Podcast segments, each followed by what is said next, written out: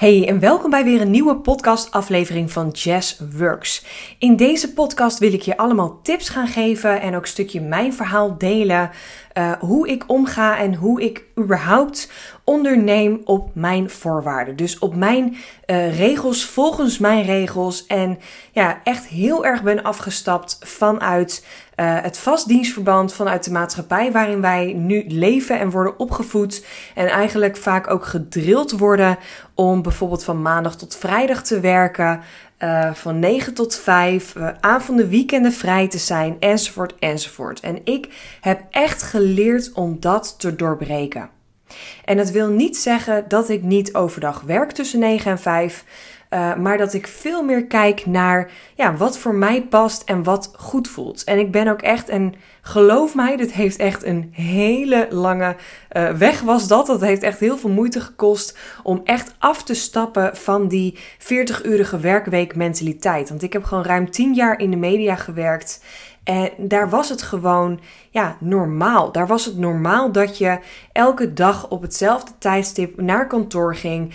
Uh, elke dag, ook al was je om drie of vier uur klaar met alles wat je moest, moest doen, uh, moest je gewoon blijven wachten tot het vijf uur, half zes, zes uur was. En dan pas mocht je gaan. En het was ook normaal als je wel een hele lange dag had en je moest een keer een avond overwerken of weekenden extra werken, dan was het ook gewoon heel normaal dat je dat niet compenseerde. En ik heb dat altijd iets heel geks gevonden. En uh, ja, dat, daar vind ik natuurlijk wat van. Maar aan de andere kant, ja, dat gebeurt natuurlijk niet alleen in de media. Dat gebeurt in heel veel branches. En dat is natuurlijk helemaal niet erg. Maar dat was wel echt een hele grote reden waarom ik gewoon niet meer voor een baas wilde werken. Want ik wilde gewoon die vrijheid ervaren.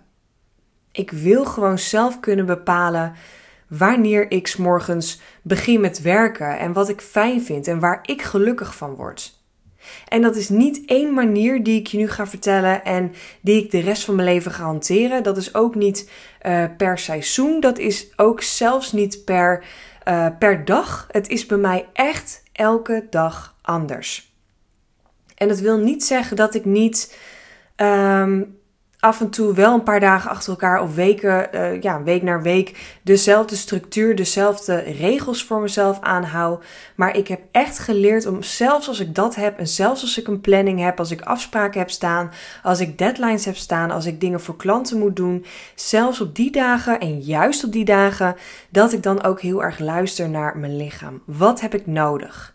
Wil ik bijvoorbeeld s morgens eerst sporten of eerst vijf minuten mediteren of een lekkere wandeling maken? Wil ik lekker een serietje kijken? Wil ik s morgens gewoon rustig met een boek in de zon en een kop koffie even opstarten?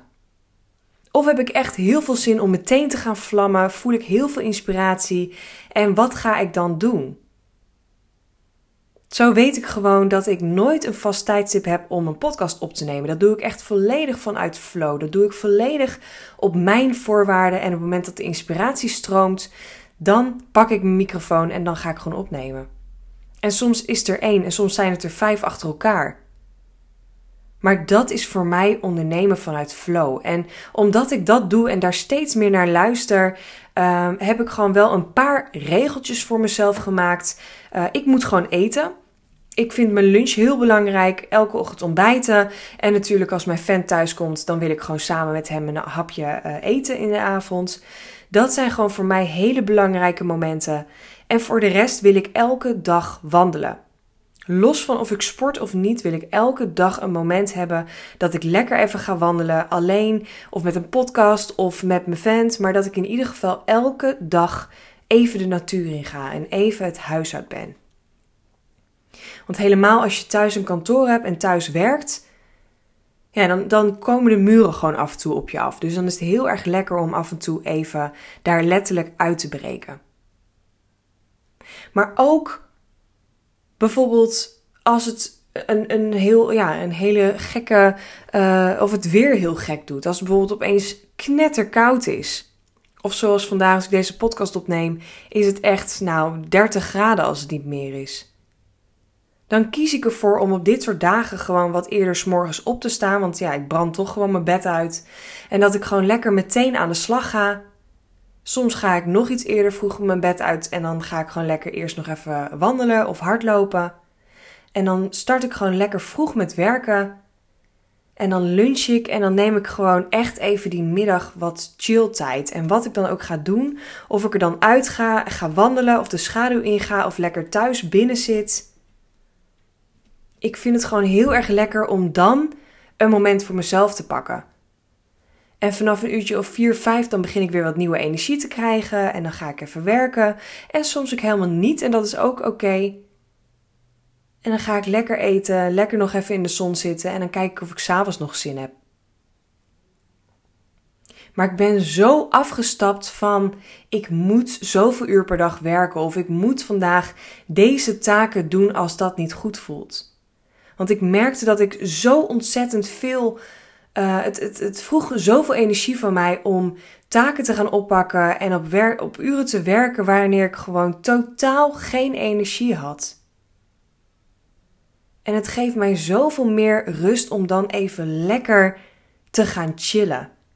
En ja, dat betekent dat ik gewoon smiddags af en toe een power nap doe, of even op de bank ga liggen, of even een serietje ga kijken, of een boek ga lezen. Dat is waarom ik voor mezelf ben begonnen. Want als ik zo streng blijf en die werktijden wil aanhouden terwijl het voor mij niet goed voelt, had ik net zo goed voor een baas kunnen blijven werken. Want af en toe vergeet ik wel eens dat er niemand is die tegen mij zegt: Yes, jij moet vandaag dit doen of jij moet deze week dit doen. Zelfs mijn klanten niet. Want ik hou van mijn klanten en ik werk onwijs graag samen met mijn klanten, maar ook dat zijn niet mijn bazen.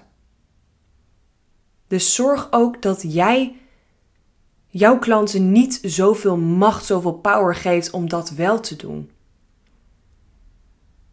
En dat heeft alles te maken met communicatie. Ik snap echt wel als je bijvoorbeeld virtual assistant bent of als je een deadline hebt dat er dingetjes gedaan moeten worden.